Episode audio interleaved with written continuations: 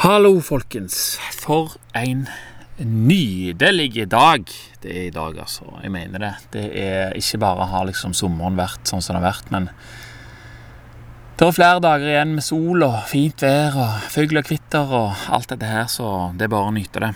Eh, jeg har parkert camperen i solsteiken. Sitter her med døra åpen og nyter den overgangen mellom ei uke på jobb, som jeg har hatt, og ei helg med familien. Eller ei uke da med familien, som jeg skal ha. Og akkurat der er det sånn mellomvakuum, liksom. Og det som jeg har funnet ut, er at det er det, i dette mellomrommet jeg syns det er best å spille inn eh, episodene mine. I alle fall så er det best for meg, da, og det betyr at du kanskje av og til hører noen biler som kjører forbi oppe på veien og sånt i noen av episodene. Hvis du syns det er plagsomt, så kan du si ifra, så skal jeg prøve å finne en bedre plass. Men i mellomtida så er det rett og slett for digg til at jeg eh, gidder å spille det inn noen andre plasser. Så nå vet du det, og da kan vi jo gå over til saken. Og eh, det som er nå, er at det, det har nå gått ganske nøyaktig seks måneder siden jeg bestemte meg for å prøve en ny tilnærming til alkohol. Eh, jeg ville rett og slett prøve hvordan det var å ikke drikke det, bare for å drikke det, akkurat når jeg hadde lyst, for å si det på en enkel måte. Jeg var blitt lei av kostnaden av alkohol, ikke i kroner og øre, men heller i Henry David Thoreaus perspektiv. Prisen på alt er mengden liv du bytter det i. Skjønner du? Prisen på alkohol gjorde seg gjeldende i trøtte dager og følelsen av tapt potensial. Og hva fikk jeg igjen? Eh, hva jeg fikk igjen for en lykkelig kveld, var etter hvert ikke verdt mengden med liv som gikk med for å betale for det. Fatter du? Verden er allikevel ikke svart-hvitt. Jeg ville ikke aldri drikke igjen, liksom. Kunne jeg luke ut de anledningene jeg så for meg ville gi meg en bra avkastning? Hvordan kunne jeg få et ålreit utbytte som forsvarte investeringen? Når var det verdt det, og når var det ikke verdt det? Det handler altså ikke om at jeg ville være avholdsmann eller ikke. Det er ikke svart-hvitt, dette her. Alkohol er altfor gøy til det. Jeg ville fortsatt ha et forhold til alkohol, men jeg ville legge til rette for en positiv totalavkastning av det konsumet. Skjønner du? Altså, det koster jo i kroppen, det koster i hodet, følelser, energi. Alt det der blir jo påvirka. Men utbytte det kan jo være relasjoner, minner, treffe nye folk eller ha en skikkelig god samtale. Og, og her er jo følelser og energi inne i bildet. Så hvordan skal jeg veie de opp, liksom? Jeg husker jo hva naboen til svigers sa en nydelig sommerkveld. Vi satt i hagen, eh, kona mi og meg, svigers og det eldre ekteparet som bodde ved siden av svigers. da. Vi drakk vin, fortalte historier, nøyt hverandres selskap, rett og slett. Og Olav han la ut om eh, det som han for øyeblikket anså som sin aller største feil i livet. Og venta så mange år før han begynte å drikke vin.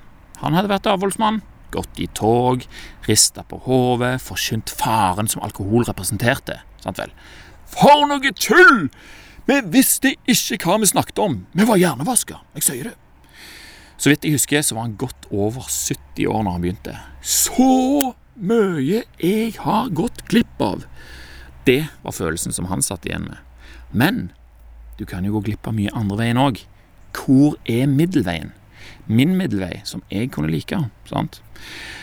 Jeg har ikke vært hjernevaska. Eller har kanskje det, på en måte. Jeg har vel i hvert fall vært prega av mine omgivelser, i hvert fall. Kompiser, hendelser, kultur, hva vi gjorde i oppveksten, alt det der. Og det å ta seg en fest det var helt vanlig siden jeg var i 15-16-årsdag. Stort sett hver helg i de tidene der. Seinere så ble det jo sjeldnere, da. Etter hvert så fikk vi oss eget hus, og da var det heller sånn at vi inviterte venner på middager, kortspill, vin og whisky istedenfor. Kveldene ble sene da òg, akkurat som før, og selvfølgeligheten av det, det var det som endte opp med å plage meg etter hvert. Jeg begynte å se på det som en dårlig investering. Tidligere så var det på en måte mer som en belønning for en hard ukes arbeid og en del av kulturen å stikke innom polet liksom før helga og kose meg med litt vin til maten, meg og kona mi eller noen venner som er på besøk konsekvensene i etterkant de var ikke så tydelige. Sant? Så jeg tenkte ikke så mye over det. Jeg gleda meg heller. Altså det, det, spilte egentlig liten rolle om uka faktisk var godt gjennomført eller ei. Det var blitt mer en vane. Sant? Du stakk innom polet uansett. Og hvorfor skulle jeg endre det? Hvorfor skulle ikke jeg fortsette å kose meg, så det heter i sånn som jeg hadde gjort det, og sånn som alle de andre jeg møtte på polet skulle gjøre den helga? Det skal jeg fortelle deg. Det er fordi at etter hvert så ble det tydelig at det gikk for mye liv bort i etterdønningen av en sånn en som, det, som kunne for selvfølgelig være en veldig hyggelig kveld. Jeg hadde andre ting jeg ville gjøre. Sant vel? Og når det var det som begynte å veie mer enn andre, så måtte det rett og slett eh, skje noe. Og nok ble nok når jeg endelig hadde bestemt meg for å ta en rolig kveld, men likevel havna i lystige lag og i dype samtaler til langt på natt. To ting hadde jeg klart for meg etterpå. Jeg ville ta vekk selvfølgeligheten med alkoholforbruket mitt, sant? den der vanen. Og om jeg skulle drikke alkohol, så ville jeg ha god avkastning for å gjøre det. Jeg tok for meg kalenderen og lette fram de tingene som jeg visste jeg skulle være med på, som tilsa at avkastningen ville bli tolerabel i forhold til dette her. Dette var jo i februar, og i juni visste jeg at jeg skulle i bryllup i Venezia. Den høres grei ut. Siste helga i august skulle meg og brødrene mine med følge på Utopia Stavanger, og den årlige julefesten til mamma, det var i desember. Det var det jeg visste om disse hendelsene skulle ikke være noe sånn eh, Du vet hvordan det er sånn hvis noen eh, ikke vil drikke, så er det sånn 'Å, nei takk, du, jeg har bare to drikker, drinker til meg, takk. Jeg, eh, jeg, jeg holder meg sant vel, Eller 'Nei, jeg skal kun drikke litt i bryllupet.' Så kommer det en skål sånn 'Skål, alle sammen!' Så er det sånn 'Å, oh, oh, eh, ja. Farris, konge.' Så sitter du der. Det skulle være liksom sånn Ingen begrensninger på noen som helst måte. Full helg, fritt valg, hva jeg ville. Ingen tanke på alt dette andre eh, konsekvensopplegget. Hengi meg til system 1, rett og slett. Sant vel? Du fatter hva jeg mener? Bånn gass. For det er jo det som er kjekkest, sant vel. Uh, Iallfall syns jeg det.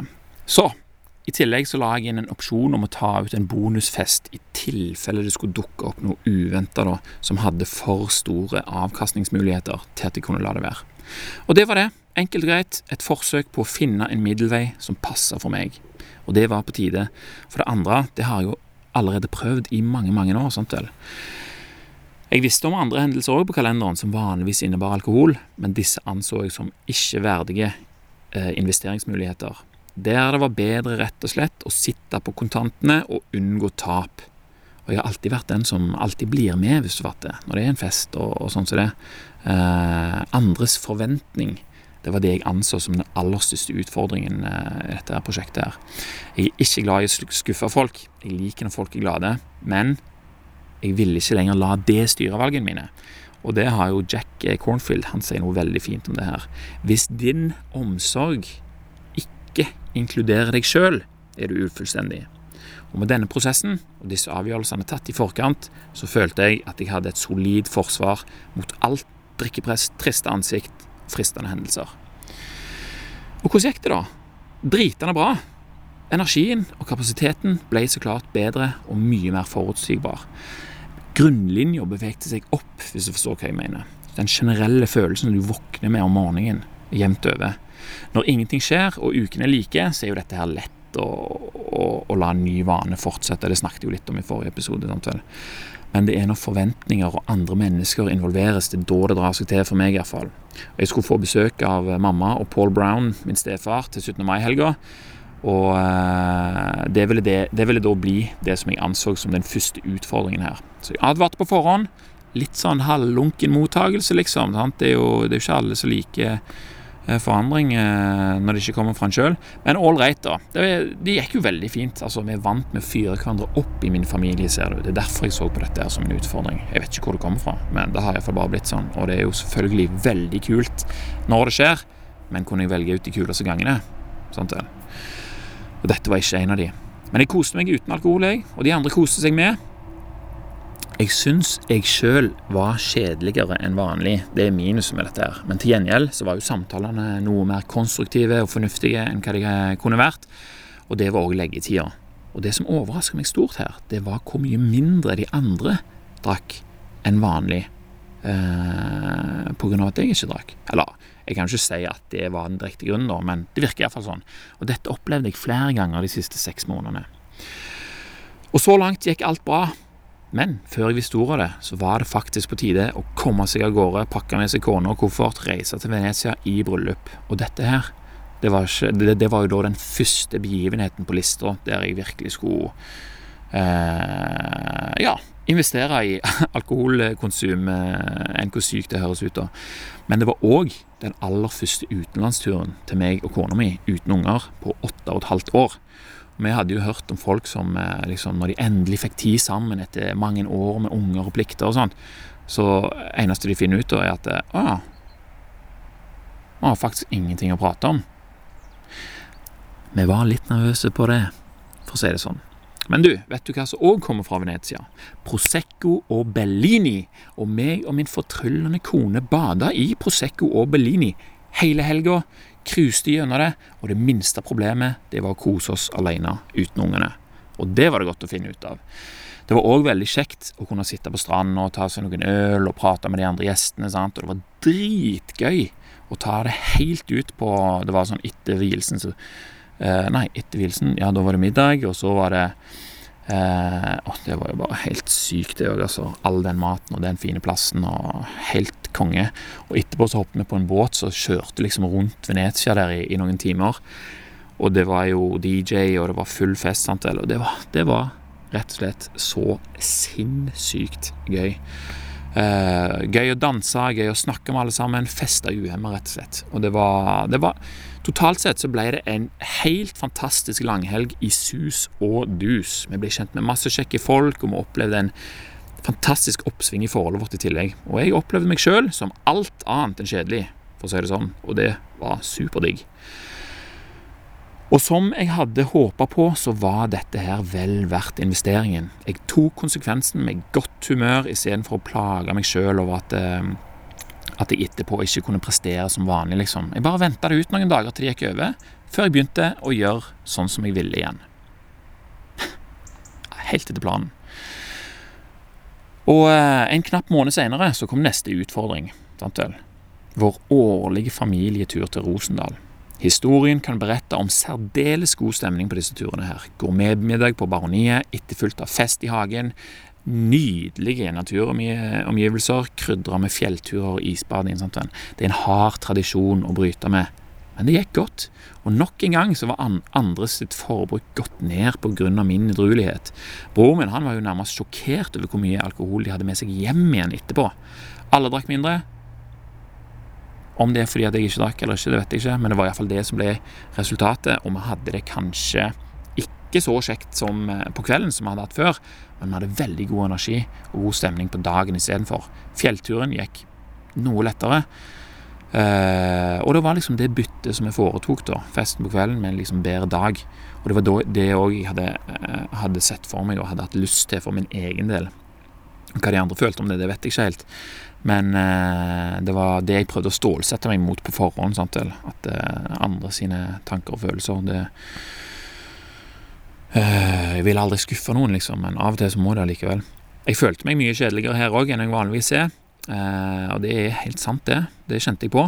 Men jeg vet òg at det er opp til meg, eh, og at dette bare er en ting som jeg egentlig kan øve på. Jeg kan jo bli bedre til dette her. So far, so good. Og resten av sommerferien så koste vi oss i bobilen rundt omkring. Vi kjørte godt over 2000 km rundt Dyreparken og Hurdal, pff, overalt, liksom. Det var Helt glimrende. Tenkte ikke på alkohol et eneste sekund. Uh, og jeg begynner å tenke at dette her er noe av det lureste jeg eh, noensinne har gjort. Det har brakt med seg en frihet til å tenke på andre ting, gjøre andre ting. Spesielt det faktumet at jeg er alltid mer opplagt og frisk om morgenen og kan gjøre flere kjekke ting med ungene og ha mer energi til å være glad i kona mi. Grunnlinja er som sagt jevnt over høyere. Sant vel? Hvis vi tenker på gjennomsnittet, sant, så kommer helga, og så, så er det søndag, og så klatrer du sakte, men sikkert opp da, til, til der som bunnlinja er. Så gjennomsnittet blir jo lavt, men nå lå alt jevnt over mye høyere enn det pleide. Og det var jo en av de tingene som jeg var òg ute etter, da. Uh, og det er et veldig godt bytte, syns jeg. Og det er vanskelig uh, å legge merke til at ting forandrer seg, siden jeg er midt oppi det, og forandringen skjer sakte, men sikkert, samtidig som alt annet skjer. Hvis det, hvordan skal jeg merke at jeg har det bedre, når det er liksom Bunnlinja er jo bunnlinja. Eh, grunnlinja, mener jeg. Vil jeg merke forskjellen, så må jeg liksom gjøre det bevisst. Og hvordan jeg, er jeg nå i forhold til før? Det var liksom det jeg måtte spørre meg sjøl om innimellom. Morgensidene og meditering er jo selvfølgelig med på å gjøre meg oppmerksom på det, men den beste trikset det kommer fra denne boka Joy on Demand, som jeg snakker om i episode 64. Der forklares det om en teknikk som jeg bruker mye til dette her formålet. Thin slices of joy. Sant vel?